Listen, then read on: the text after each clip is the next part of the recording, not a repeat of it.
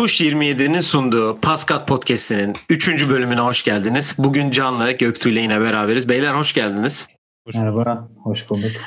Evet Euroleague'de playoff'ta ilk iki maçları geride bıraktık. Bildiğiniz üzere e, bu programımızda Euroleague ve genel Avrupa basketbolu konuşuyoruz. Güzel bir ilk iki maç oldu bizim adımıza hani ya da %50 %50 diyeyim temsilcilerimiz adına ama seyir zevki olarak da izlediğimiz güzel maçlar da oldu diyebiliriz. Ee, sizin e, sizin görüşlerinizi tabii ileride alacağım. Ee, başta e, konuşmak, yani söylemek istediğiniz herhangi bir şey var mı genel olarak? Yok. Yoksa ben başka bir yere gireceğim. Yok sen tamam, gir. Ben, sen gir sen gir. He, tabii sen de oraya gireceksin biliyorum ama e, şimdi şöyle e, geçtiğimiz sezon yani oyun planı podcast'ini yaptığımız zaman da konuk aldığımız e, benim e, yıllarca takım arkadaşlığını yaptım Kevin Kaspar. E, bu geçtiğimiz ya bu hafta sonu bu hafta içinde oynanan e, TB2L'de e, yükselme grubu deniyor onun adına. Yükselme grubu mücadelesinde e, TED Ankara Kolejler takımıyla bir üst lige çıktı ve o turnuvayı şampiyon olarak tamamladılar. Yani basketbol kalitesi olarak e, turnuvayı pek yorumlamak istemiyorum. Hani izledik zaten. Hani her, izleyenler de olmuştur. Ama tabii ki de bu kadar yakın arkadaşınızın bu kadar aynı sahayı paylaşmaktan en çok zevk aldığınız insanlardan birinin e, ve turnuvanın MVP'si olacak kadar skora etki etmesi e, ve şampiyon olmaları tabii ki çok gurur verici bir olaydı. Hani biz de e, YouTube'dan bunu çok rahat bir şekilde takip ettik ve izledik. Yani ben hala kelimeleri seçerken böyle hani heyecanlanıyorum anlatırken ki çok gurur verici bir e, haftaydı hem benim adıma hem de e, hem ailemiz adına hem de Kevin tanıyan herkes için. Siz de bunları takip ettiniz. İsterseniz sizlerden de bir iki cümle alayım bu konuda. Çünkü e, büyük ihtimal bu arada. Neyse sizin yorumlarınızı alayım. Öbür şeyi ben ileride söyleyeceğim. Ben şöyle söyleyeyim. Ben de çok yakından takip ettim. Bu arada Ankara Büyükşehir Belediyesi'nde oynayan Utku arkadaşımızdan da kaynaklı olmak üzere biraz yakından takip ettim ama yani Ted gerçekten çok dominant bir basketbol. Çok güzel yani muhteşem bir basketbol oynadılar ve o yarı final maçında yani çıkma maçındaki de geri dönüşte e, size de konuştuk yani Kevin'in gerçek bir liderlik yapması takımının hani o sertliğe hani düşerek cevap vermesi yerine sakin kalıp maç sonunda gençliğini kullanıp inanılmaz bir geri dönüşle bir hikaye yazarak e, üst lige çıktılar. Onları ve Mersin Belediye'yi de kutlayalım burada. Evet diğer çıkan da Mersin oldu zaten. Evet Can sen de. Evet zaten hani Kevin'la da ben biz zaten konuştuk hani böyle beklentiler vardı sezon içinde ama hani bu beklentiyi gerçeğe dönüştürmek tabii çok zor bir olay. Bir de tek maçlık bir olay. Nereden baksan Bubble'da her gün arka arkaya oynadılar. Bir tek çıkma maçından önce bir gün ara vardı. Gruptan ikinci çıkıp sonra çaprazda favoriyi yendiler. Ben şimdi izlenmelere baktım. 5000 kişi takip etmiş maçları da ortalamayan nereden baksan. Gayet iyi bir izlenme bu da YouTube'dan da yayınlandığı için. Mesela ben de Amerika'dan izleyebildim yani. Çok iyi bir olay oldu. Kevin'da tebrik ederim zaten. Onu da sen istiyorsan Barbaros. Yani e, onu söyleyeyim e, konuk alacağız bu arada. Onun şu an büyük ihtimal haberi yok ama Paskat'ın ilerleyen bölümlerinde ondan da bu hikayeyi dinlemek istiyoruz. Çünkü e, ben bu TD transferi ondan önceki hikayeleri çok iyi bildiğim için hani buraya transferi tamamıyla ligi ta, takımı lige çıkarmaydı. Bunu geçen sene pandemiden dolayı lig iptal olduğu için tam yapamadılar. Bu sene sezonun sadece ilk maçını kaybettiler. Üstüne gruptaki son maçlarını kaybettiler.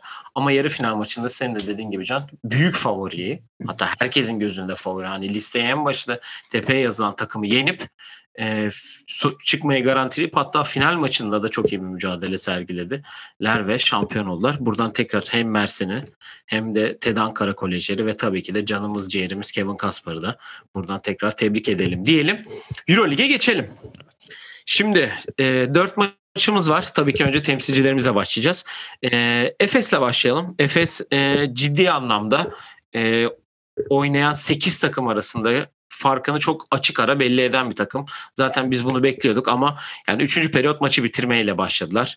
Yani ilk maçı 90-63, ikinci maçı 91-68 gibi iki tane farklı skorla geçtiler. Ee, iki maçta da farklı skorerleri buldular. Öyle de bir özel yani geniş kadronun bence ekmeğini yediler ki ilk maçta Lasso'nun Michis'in aklına girmesi biraz. E, Michis'in biraz da hani e, bir ayağında da bir sıkıntı oldu. Yani çok fazla şey yapamadı. E, ama ikinci maçta o tekrar konuya dahil olunca tabii e, Real Madrid açısından da Tavares ikinci maçta yoktu. Ama orada da Tompkins hariç hiçbir e, türlü e, katkı alamadılar. Şimdi seri İspanya'ya gidiyor. E, Salı günü oynayacaklar galiba. Yanlış Evet evet. bakmıyorsam. Evet, Salı günü Efes ile Real Madrid Madrid'de karşılaşacaklar diyelim. Yani Göktuğ senin genel olarak Efes olarak düşün düşüncen nedir? Nereden e, bak nasıl bir iki maç geçirdi Efes? Ya Onu ben, bir öğreneyim. Ben şöyle söylemek istiyorum. Efes'in gerçekten olabilecek her şeye karşı misliyle cevabı var. Yani Lasso iyi başladı bu arada. İyi hazırlanmış ve gerçekten değişik yani ezber bozan bir başlangıç yaptı. Ve buna rağmen hani Efes maçını izlerken yani kötü oynuyoruz diyorsun. İşte ne bileyim Lasso önlem almış diyorsun. Yine bir bakıyorsun devreye 12 sayı önde gitmişsin mesela. Yani bu, bunlar çok büyük lüksler bence. İlk maça baktığımızda 7 kişi çifthane üretiyor ve Mistic bunlardan biri değil. Ondan sonraki maç Mistic 25 sayı atıyor. Maçı kazandırıyor tek başına. İşte Sertaç, ya Dan, İsmail Şenol söyledi galiba. Çok güzel bir şey söyledi. Dunstan Sertaç'ı nefeslendirmek için sahaya giriyor dedi. Yani bu sezonun özeti yani. Yani Sertaç da bu katkı verecekse zaten hani diğer takımlar kapatıp gidebilir gibi bakıyoruz. Tabii temkinli olmakta fayda var ama Tabii ki yani de. inanılmaz bir iç dış dengesi inanılmaz bir yarı saha hücumu ve savunma konsantrasyonunu da eklediler şimdi üst düzey olarak. Yani Efes gümbür gümbür geliyor. İki maçın birbirinin kopyası olarak oynadılar zaten. Ve gerçekten bana şunu hissettirdiler bilmiyorum ama daha atacak vitesi var Efes'in. Yani 5. viteste bir 30 sayılık bir galibiyetler olmadı bunlar diye düşünüyorum. Hani yer yer olmuş olabilir ama çok çok üst yani herkes kendini zorladı mı, limitleri zorladı mı? Ben kendi görüşüme göre hayır diyorum buna yani belli periyotlar hariç. Ve buna rağmen herkes Real standardında oynadı yani. Evet, yani evet, standart evet. neyse onu oynadı herkes. Buna rağmen Real Madrid ve formda bir Real Madrid ne olursa olsun formda bir Real Madrid'e karşı 30 sayılık gelen iki tane galibiyet. Efes'in ben İspanya'da yani ilk maçta belki bir sürpriz yaşanırsa yaşanır ama yani Sinan Erdem'de bir daha maç oynanmayacağını düşünüyorum bu seviyede. Ya salı günü Madrid'de oynayacaklar. Evet. Ee, Perşembe günü dördüncü evet. maç eğer gerekirse Efes eğer üçüncü maçı kazanmadı takdirde Perşembe'de diğer maç oynanacak. Can sana peki e, şimdi Lasso ilk maç biraz Misis'in aklına girdi gibi gözüktü.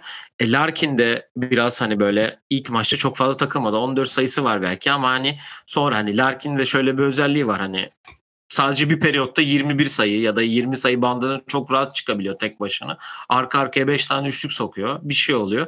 Yani çok sessiz bir 14 ve çok sessiz bir 21 sayı gibi gözüküyor bu ikili arasının yani Real Madrid'in ikisine de karşı da bir cevabı da yok. Sezon başı hem Campazzo'yu kaybettiler. Sezon sonunda da Dek gitti.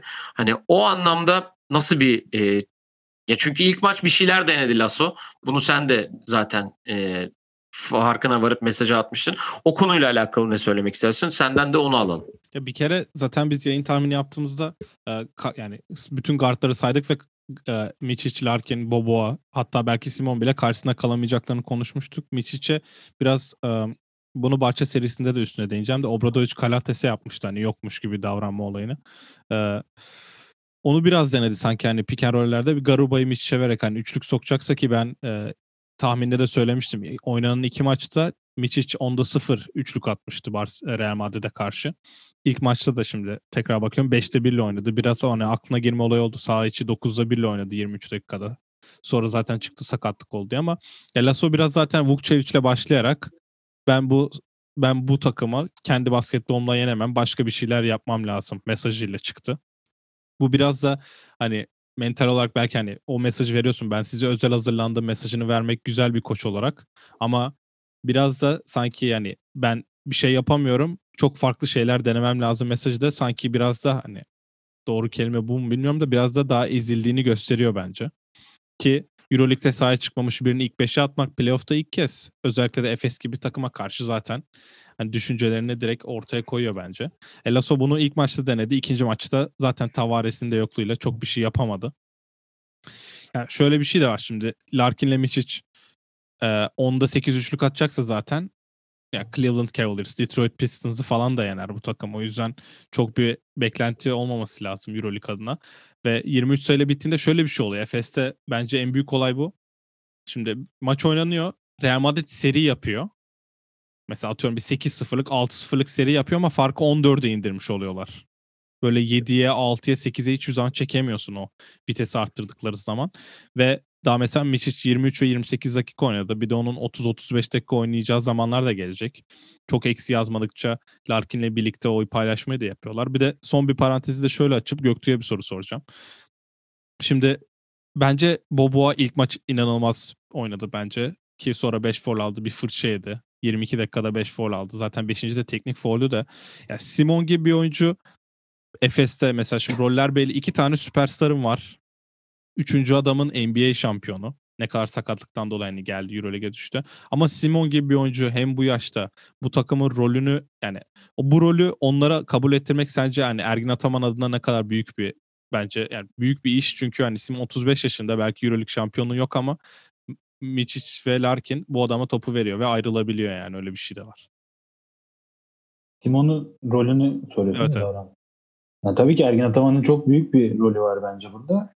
Daha yani tabii ki sadece Ergin Ataman'ın değil bu arada Simon'un da yani bu saygıyı ben kendi kazandığını düşünüyorum. Hani bazı noktalardaki verdiği kararlarla hani ikisi birden gününde olmayınca bazen direksiyonu ele alıp böyle hani 3 sezona geneline bakınca ben böyle çok maçlarda bir anda böyle seri ilmeği değiştirdiğini, seri yakalattığını çok gördüm. Ve hani bu tip oyuncular genelde sevilir çünkü adam yani olumlu yani top dominant bir adam değil. Topla çok iyi üretiyor evet ama oyunun kendisine gelmesini bekliyor yani. Çok böyle alayım topu oynayayım illa da ben oynayayım gibi bir olay yok. Ve hep pozitif yani ben hiç böyle birileriyle tartıştığını falan da görmedim. Yani hocanın rolü var evet ama kendi de bu saygıyı yarattı diye düşünüyorum. Yani İlk maçta 6 asist yapmış mesela. İkinci maçta 1 asist hani çok da değil. O yüzden. İlk maçta bir de hani kötü 8-0 başlamıştı. Yanlış hatırlamıyorsam Madrid yani çok hızlı bir şekilde o yani Simon önderliğinde bir ayağa kalkış oldu Efes için. Evet. Peki e, salı mı biter perşembe mi? Ya salıyı atacak kurşunu var mı Lasson'un? Bence yok. Tavares'in durumunu ben bilmiyorum. Abi Tavares olunca da çok bir şey fark etmiyor. Yani. Olunca daha iyi. Onu yani maç maçta da söylediler. Hani olunca ne oynayacağını biliyorsun. Yani ne bileyim Garuba ile bir mismatch yakalamıyorsun. Yani Tavares'ten pick and roll oynayacaklar. Ve sen Tavares'in pick and roll'ünü atak edeceksin diyor. Ben salı biter diye düşünüyorum. İlk Yat yayında yani. 3-1 dedik ama 3-0'a gidiyor. Ben ikinci maçı ben ikinci maçta eğer Real bir tepki vereceksen de Real ikinci maçı İstanbul'da alır sonra ikisini İspanya'da alır demiştim de. Hem tepki Öyle vermediler ama. hem de ta, hem Tavares yok sonra ne oynayacağını da biliyorsun. Yani Tavares'i zaten biliyorsun da şimdi çıkınca da biliyorsun ki uzunlardan hiçbir şey gelmeyecek. Yani Felipe Reyes oynadı. Öyle bir durum da var yani. Ben gerçekten spiker hata yaptım sandım. Felipe Reyes de top dedi. Hani spikerin başta alakası yok sandım böyle. Reyes ne alaka falan oldum. Harbiden Felipe Reyes oynadı. Aynen öyle. Bu arada deminki örneklerin arasında Houston Rockets olmaması da güzel bir e, detaydı. Can onun için de ayrıca teşekkür ediyorum.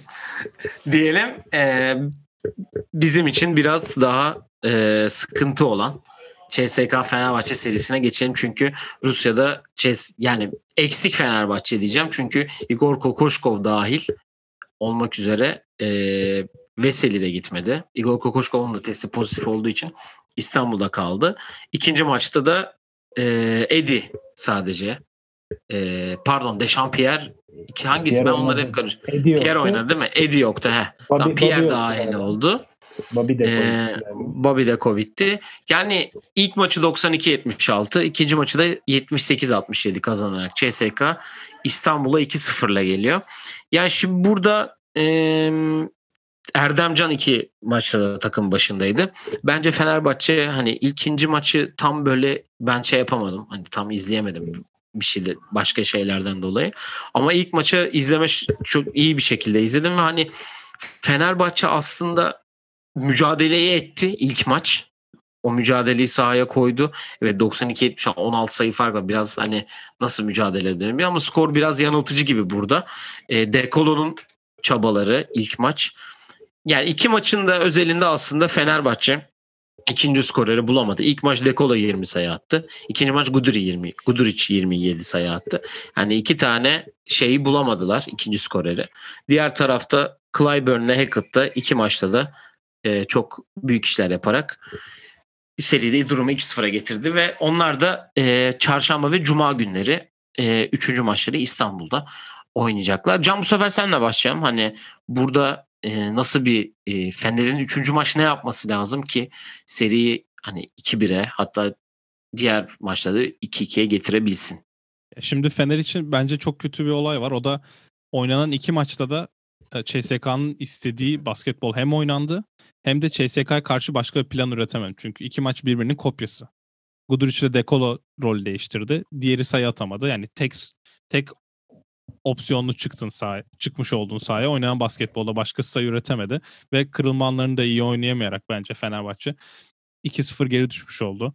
Yani bir kere burada EuroLeague e, yönetimine ben bir eleştiri sunmak istiyorum. Bütün hafta Daniel Hackett'ın sakat olduğunu e, haberleri geldi ve Euroleague'e de resmi olarak bildirildiği için bence eleştirilebilir burada. Hani Hackett'sız maç planı yapmamıştır bence Fenerbahçe. Hani ne olur ne olmaz CSK bu belli olmaz diye Hackett'lı bir plan yapılmıştır yine de ama yani oynamayacak dendi ve çıktı iki maçı da aldı diyebiliriz Hackett için. Bence CSK'nın iki maçta da ortalama baktığında en iyi oyuncusu. İlk maçta Şengel'le çok kötüydü. İkinci maçta neredeyse triple double yapıyordu. Orada biraz farkını gösterdi Şengel'i ama yani ilk maçta da e, Pierre olsa bence e, ikinci maç için çok farklı bir plan görebilirdik. İlk maçta e, Pierre'in olmaması Clyburn'un istediğini yapmasına yani Tarık Biberovic ile post oynuyordu ki 11'de 8 ikiliği var. Ve ikinci maçta Pierre olunca bunların hiçbirini yapamadı. E Pierre bir de Covid olmuş birini düşün yani. Ee, hiç idman yapmadan direkt maça çıktı büyük ihtimalle. Yani maç idmanı, hı hı. Yapma, maç idmanı yaptı ama zaten onlar da biliyorsunuz çok tempolu olmuyor. Fener'in kazanması için yapması gereken ya bence Kokoşkov'un gelmesi belki sağ kenarında daha değişik bir hani reaksiyon gösterilebilir. Bence Okui'nin daha fazla oynaması lazım kesinlikle. Çünkü reboundlarda çok domine ediliyor e, Fener. Yani Bartel evet ikinci maç şimdi tekrardan bakıyorum da 30 dakika oynadı ve 3 reboundu var. Yani çok bir fal yani Lorenzo Brown 5 reboundu var. Bence pivotların ya özellikle Okui'nin Veseli'nin de yokluğunda en azından sahada kalması gerekiyor. Bartel'in Okui'nden fazla sahada kalmasının nedeni şut sokmasıysa Bartel o şutu çembere bile bakmadı yani. O pozisyon da geldi. E onu okuyun atardı mesela. Belki Ahmet iyileşirse Ahmet biraz süre alabilir. Reboundları azaltarak ve e, Fener'de biraz da şey var. Bu iki maçın da nedeni öyle deyip bu pası Göktuğ'a atacağım. Şimdi Dekolo ile Guduric form yakaladı ya. Bunlar sayıları da atıyor. Bir periyotta 12 sayı falan atıyorlar. Fenerli diğer oyuncularda da biraz da şey var. Tamam biz getirelim verelim o atsın dönüyor. Onun olmaması lazım çünkü son periyoda güç kalmıyor. Bu yüzden de keşke Bobby Dixon olsaydı çünkü buraları da seviyor deyip Göktuğ'a veriyorum. Ya ben burada bu arada Ulanovas'ı istatistiğe bakarken Ulanovas'ı saymayı unuttuk. Muhtemelen evet, o da yok. Covid evet. sebebiyle yoktu. Ya iki tane birbirinin kopyası maç izledik. Fenerbahçe elinden geleni yaptı. Ama CSK'da yine türlü oyunlarla diyelim Hackett'ı bir şekilde rotasyon içine soktu ve Hackett yani Fenerbahçe'nin kısa savunması direkt Pierre yani 1-2-3 savunması gerekirse 4 savunması. Pierre'in yokluğunda da Hackett oversize bir kısa olduğu için pozisyonuna göre oradan çok rahat bir şekilde gücünü kullanarak yani mismatch tarzı şeyler yaratarak çok etkili oldu. Burada ben de yani en çok gözüme çarpan Bartel'in hani o sertliği verememesi oldu pot altında. Voigtman olsun, Şengelli olsun. Ben de ilk maçı çok izleyemedim. Yani izledim de ikinci yarıdan sonra ikinci maçı daha çok izleme fırsatı oldu. Yani Bartel faal yaptı ya reboundı kaçırdı, box etti bir şey oldu. Hep kırılma anlarında Bartel imzası vardı. Ben burada bir de yeri gelmişken bir Türk basketbolu eleştirisi yapmak istiyorum müsaadenizle. Şimdi Eyvah. Kenan Sipahi Kenan Sipahi yaşındaki basketbolcular yani neredeyse torun sahibi oluyor artık. Yani tecrübeli basketbolcu yaşında geçiyorlar. Bunda fikir miyiz? Evet. Yani, yani en azından genç Kenan 26 yaşında evet. E şimdi bu adam girdi hani bir sertlik kattı diye. Bu arada Kenan gerçekten oyunu değiştirecek fırsatı verdi yani Fenerbahçe için. Kenan Sipahi özelinde bir eleştiri yok burada ama yani şimdi bunu yaptığı için de biz bu adamı övmeyelim diyorum. Bir. ikincisi yani Dünya Şampiyonası'nda da aynısı oldu. Canımız çok yandı. Bir ülkenin gerçekten en büyük yeteneği serbest atış kaçırmak olmamalı diye düşünüyorum karakteristiği yani. Bu kadar evet. çok serbest atış. Kenan maçı çevirdi. O kadar efor. 4'te 0 faal abi. Orada iki tane üç tane soksa belki hikaye değişecek. Kendi sahada kalacak. Ve hani CSK'nın aklına girecek. Hani Lasso'nun yaptığının tam tersi olacak burada. Hackett o kadar rahat oynayamayacak. kırılma anlarında bir şeylerimiz eksik diye düşünüyorum ben. Bir de burada Melih Mahmutoğlu'na da yani şimdi oynamayacaksın ne zaman oynayacaksın diyerek bir eleştiri evet. yapmak istiyorum. Yani. Ya bu arada Kenan'ın attığı kaçırdığı foul'lerin iki tanesi birini soksa öne geçirecek e, evet, evet. sayılardı. İkinci periyottu yanlış hatırlamıyorsam. Yok. Üçüncü periyottu pardon. Hani enerjiyi getirdi evet oraları yaptı ki bence bir Türk takımında bunu yapmaması gerekiyor. Bir Türk takımında oynayan Türk'ün büyük ihtimalle daha fazla rol alması gerekiyor. Efes'te de aynı şekilde. Ama hani girdi o şansı aldı ki ilk maçta da Alex Perez denenmişti. Alex Perez'in tutmadan önce Kenan'a dönüldük. Kenan zaten daha fazla oynuyordu ondan. Ee, hani enerji verdi. En azından bir 4'te 2 güzel olurdu. Yani 4'te Fe- Fener 5 foul kaçırmış o maç mesela. Ya yoksa bir anlamı kalmıyor yani. Çünkü evet. yaptın ama skora çeviremedin. E adamlar bir daha hücum ediyor. Bir şey değişmiyor yani. Eninde sonunda sokacaktır onu. Evet. Onun için hani bu kişilerden bağımsız olarak bir genel bir şey eleştirisi oldu. Yok genel olarak ülkenin zaten hani her sene kronik bir sorunumuz yani. Yani söyledin genelde Avrupa şampiyonalarında, dünya şampiyonalarında, elemelerde hep yani Euroleague seviyesinde hep böyle yerlerde Türk takımları genelde foul kaçırdığı için hani şu foul'ü soksak hani kazanırdık evet. şeyini çok ağzımız yanmıştır diye düşünüyorum. Yani Can'ın şu e, sürekli Dekolo ile Guduric atsın olayında e, eşim Veseli yok. E, Veseli de bu takımın hani en önemli skorler, skorerlerinden biri.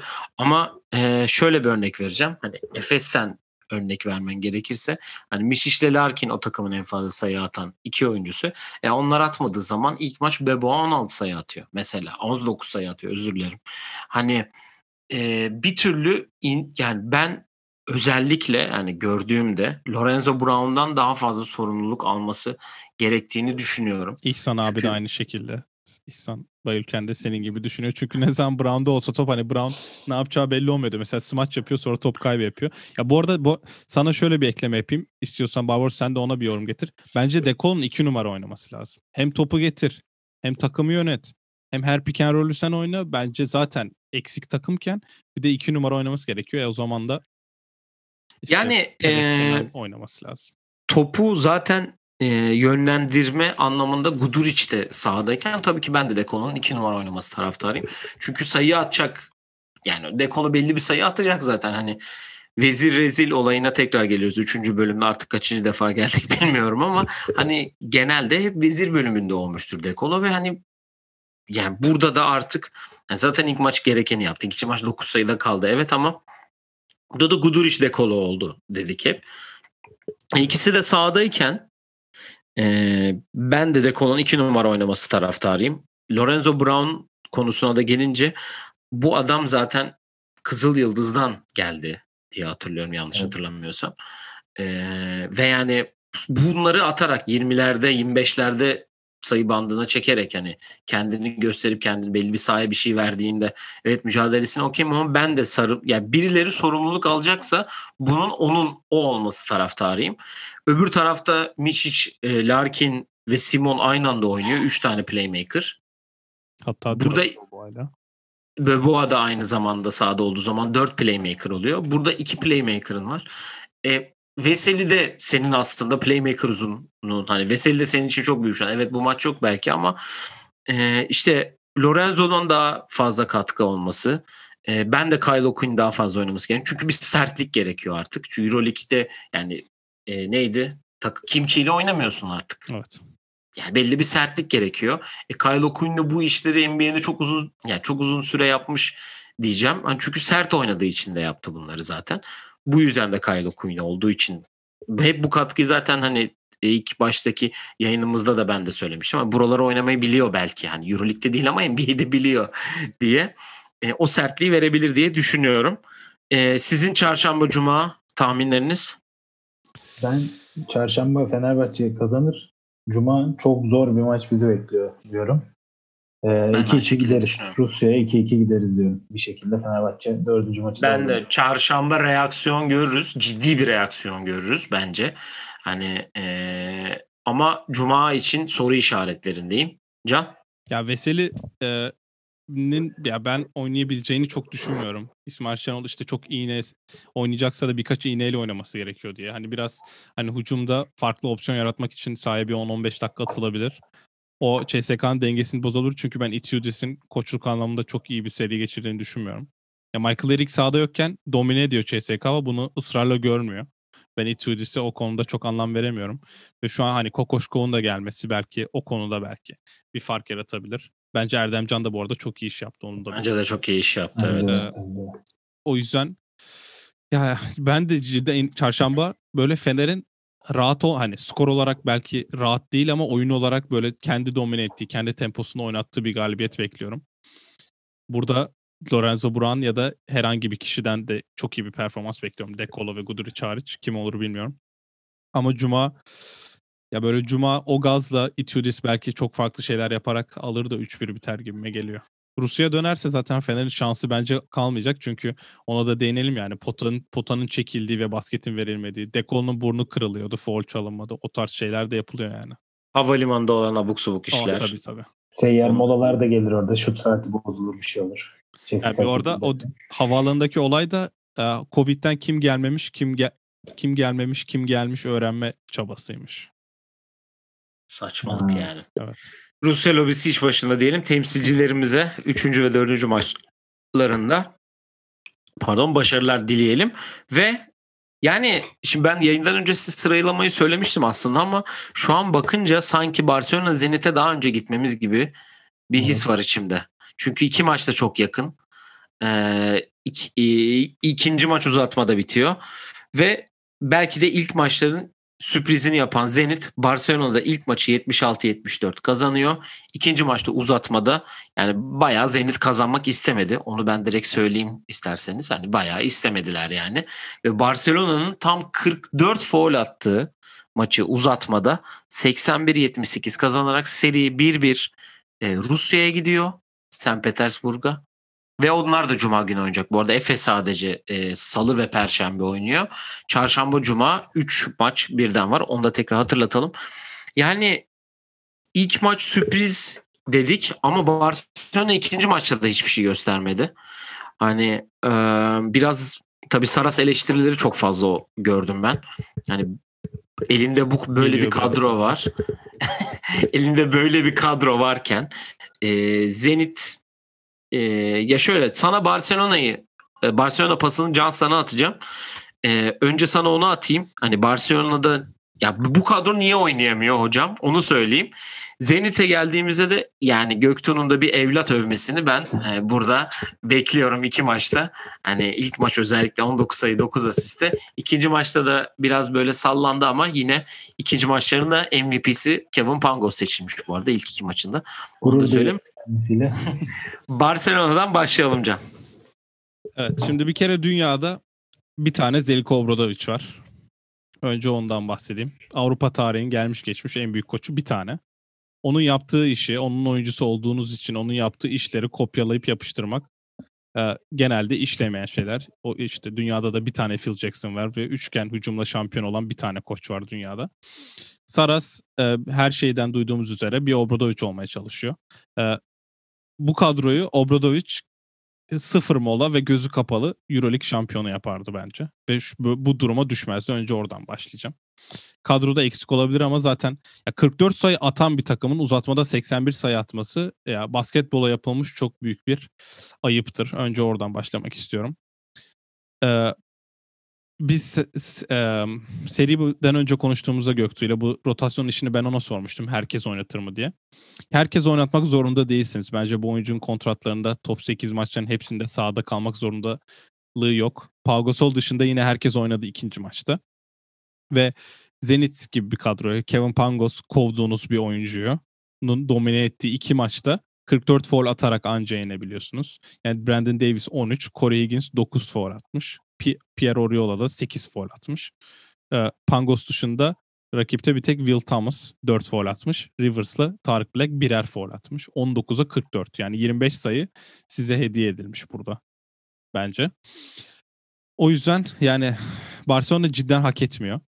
Ve ben çıkacakların hatta 3-1 olma ihtimalini çok yüksek görsem de sadece Zenit'in biraz kırılma yaşadığını düşünüyorum.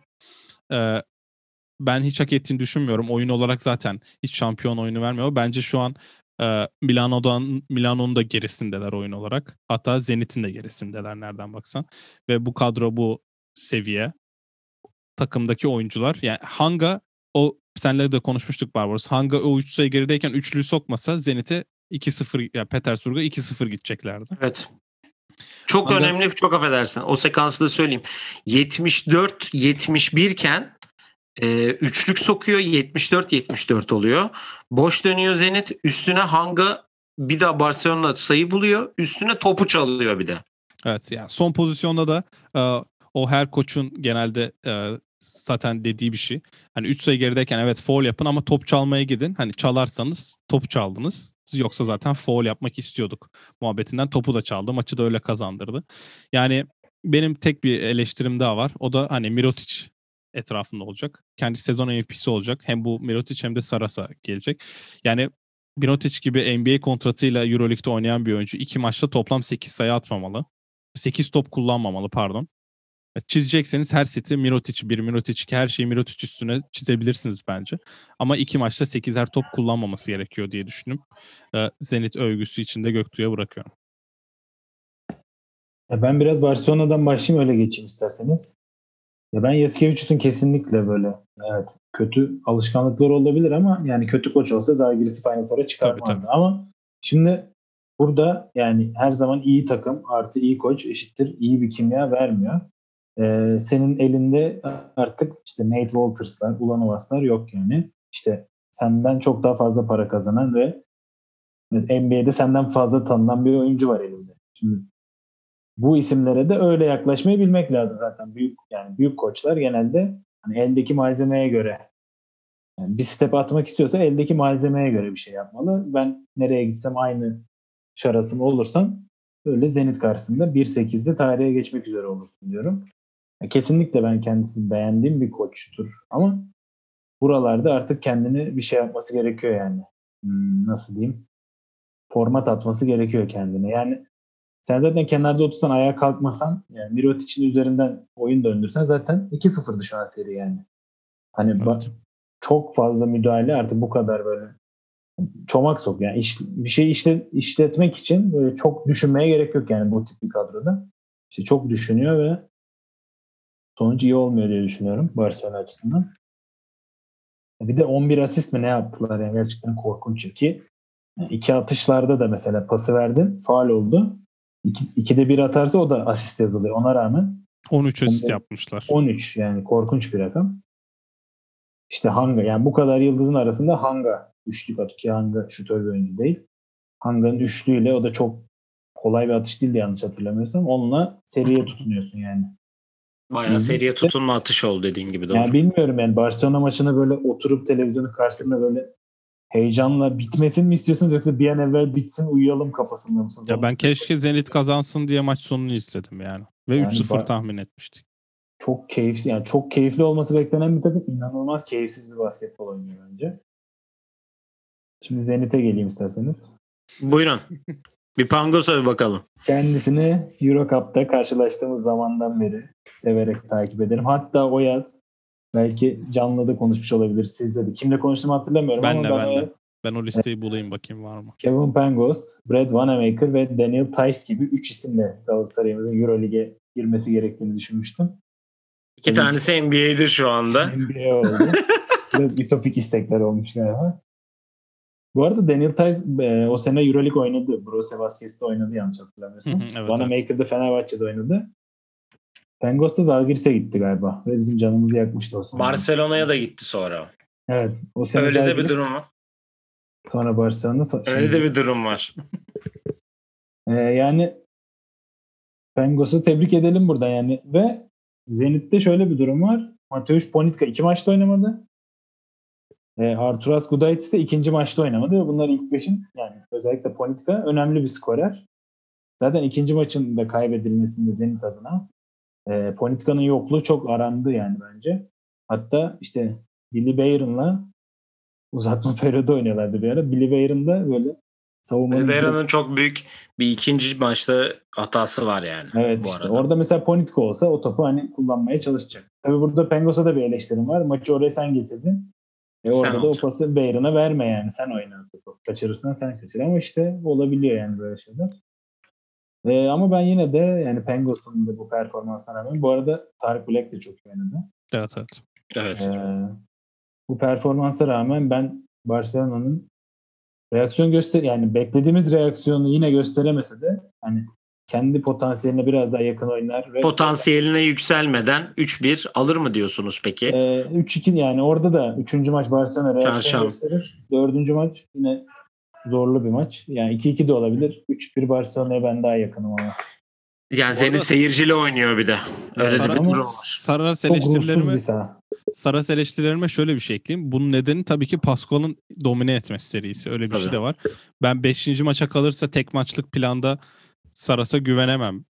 Yani bu saatten sonra artık Pascual böyle bir fark yaratmışken. Yani orada da artık bu sefer herhalde 70 foul atarak kazanırlar gibime geliyor 5. maça kalırsa Barcelona'da.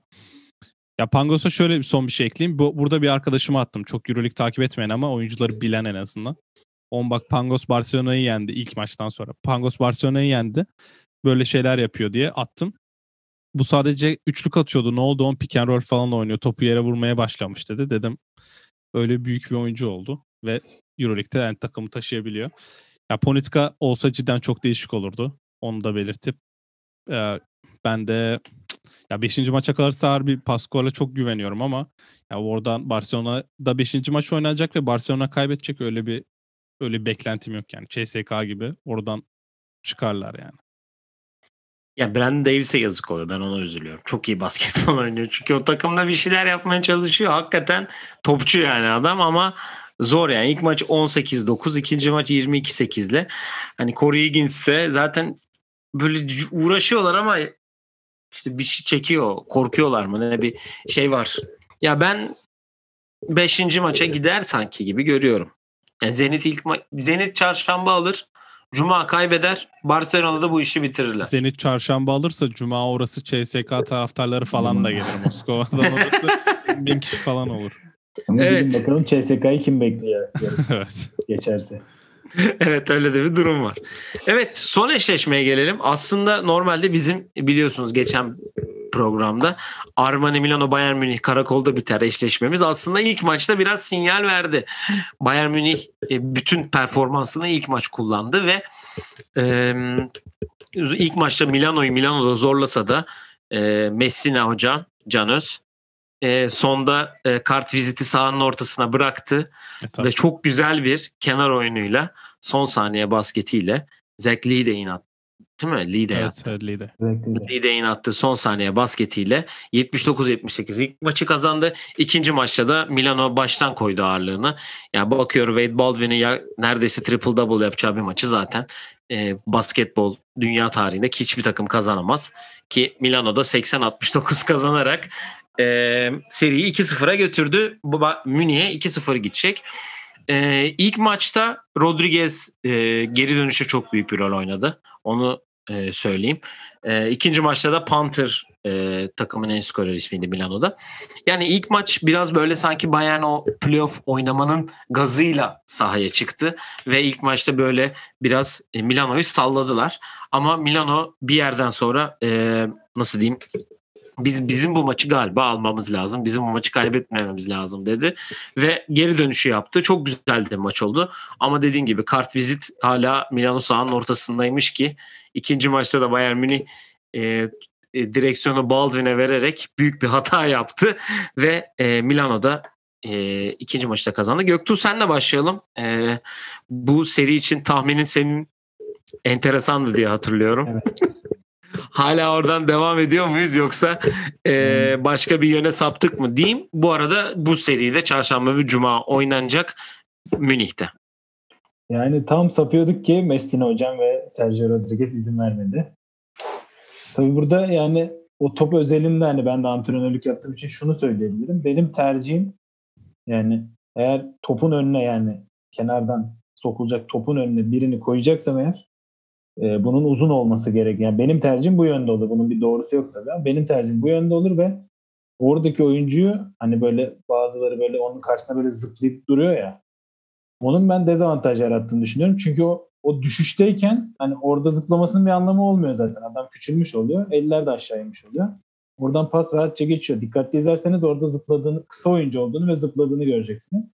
E şimdi orada bir işe yaramadı bu. Onun yerine içeriği kalabalık tutsaydı hani bir switch'te eksilsen bile o içeride bir kişinin fazla olacaktı. Belki de karşılayacaktı orada bir bir, bir temasla belki oraya kat etmesini de engelleyecek Lide'in. Yani yanlış olarak görmüyorum ama benim tercihim böyle olmazdı diyebilirim. Ama genelde ya genelde çok pardon araya girdim.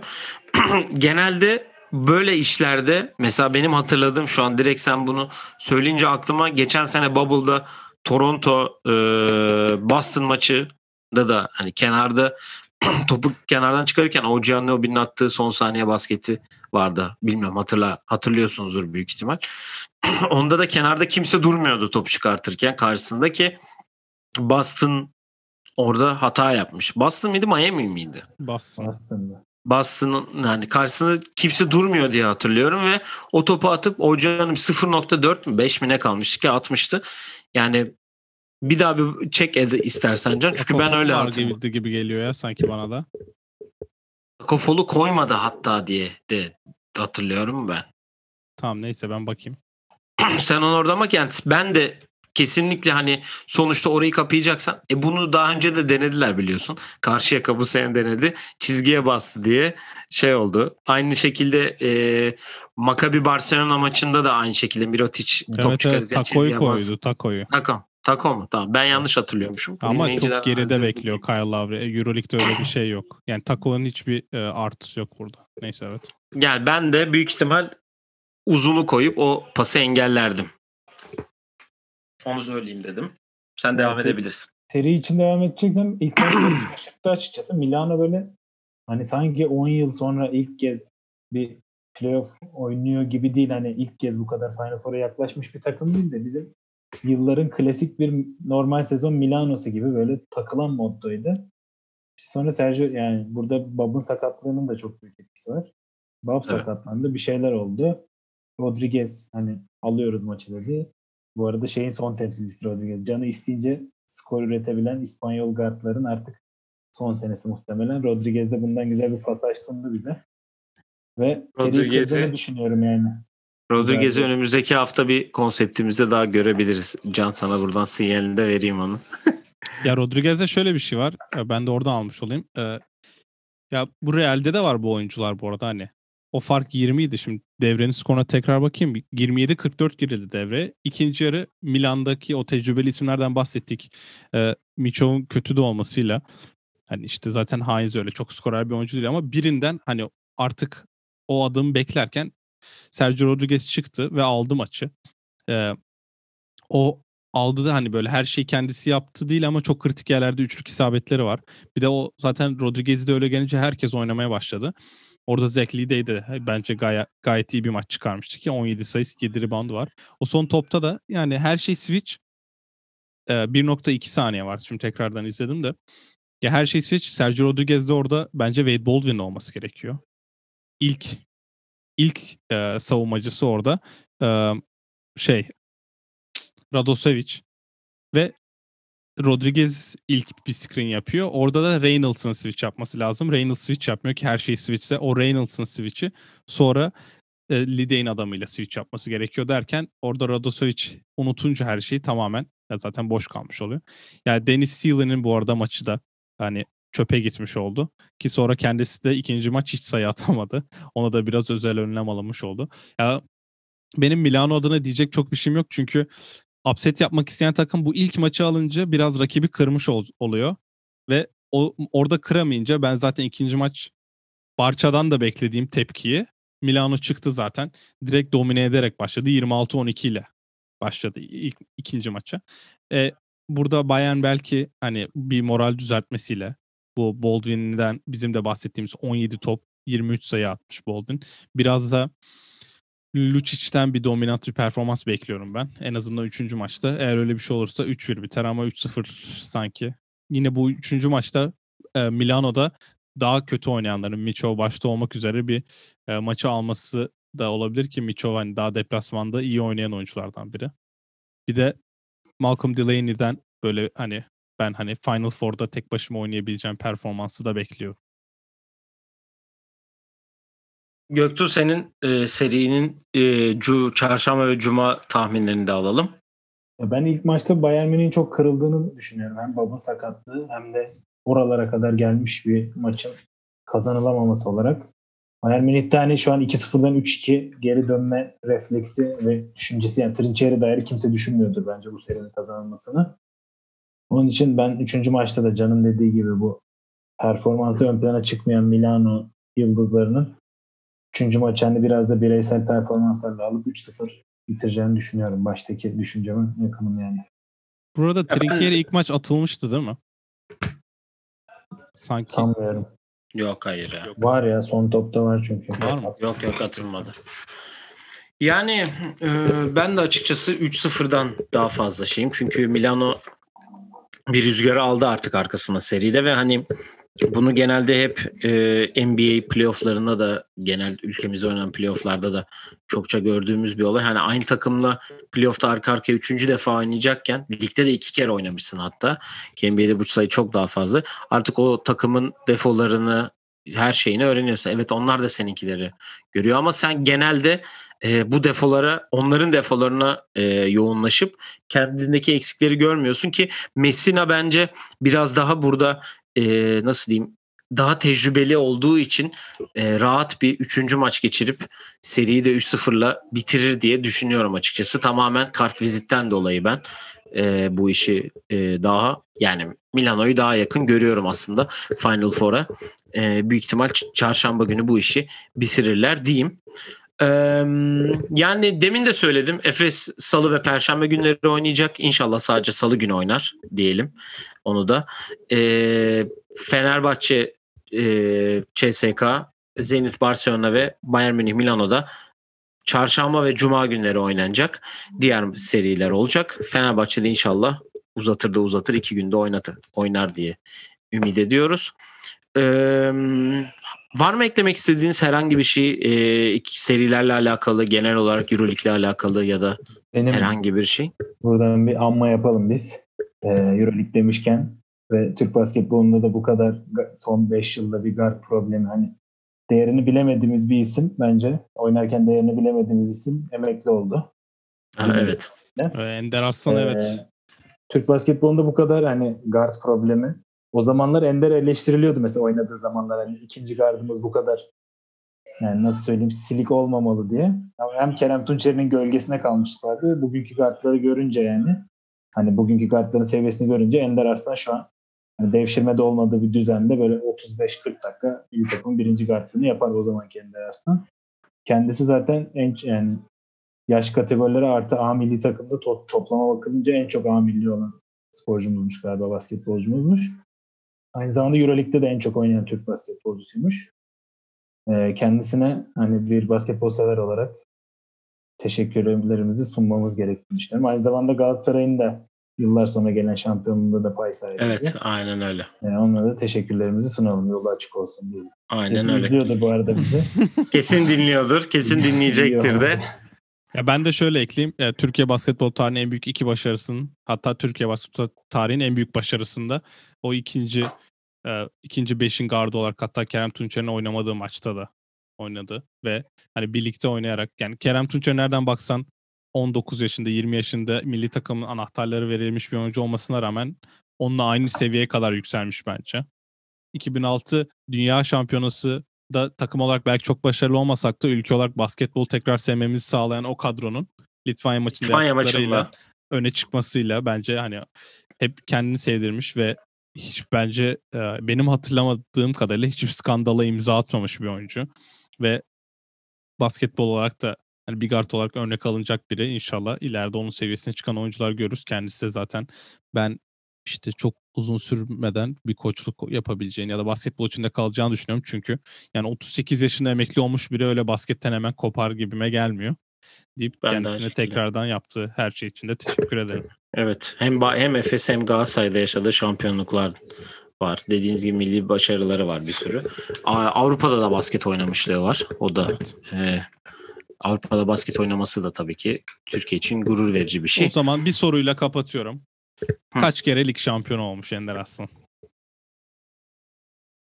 6 diyorum. Ya 6 ya 9 ya. 6 9 çok fazla 6 doğru cevap. 6 5 evet Efes, doğru. 1 Galatasaray. Evet Arroyo ile beraber kupa kaldırmışlardı. Ee, son defa soruyorum var mı eklemediğiniz, eklemek istediğiniz herhangi bir şey yoksa kapatıyorum. Benim yok.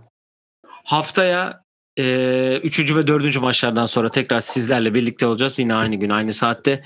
Et 27 podcast'miş bu arada. Adı Evet. hesabımızda pod değilmiş. Hep öyle söylüyorduk. E, bizleri takip edebilirsiniz. YouTube, Spotify, Instagram, Twitter her yerden. Sorularınız varsa yollayabilirsiniz. E, Paskat'ın bir sonraki yayınında görüşmek üzere efendim diyelim. Kendinize iyi bakın. Hoşçakalın. Hoşçakalın. Hoşçakalın.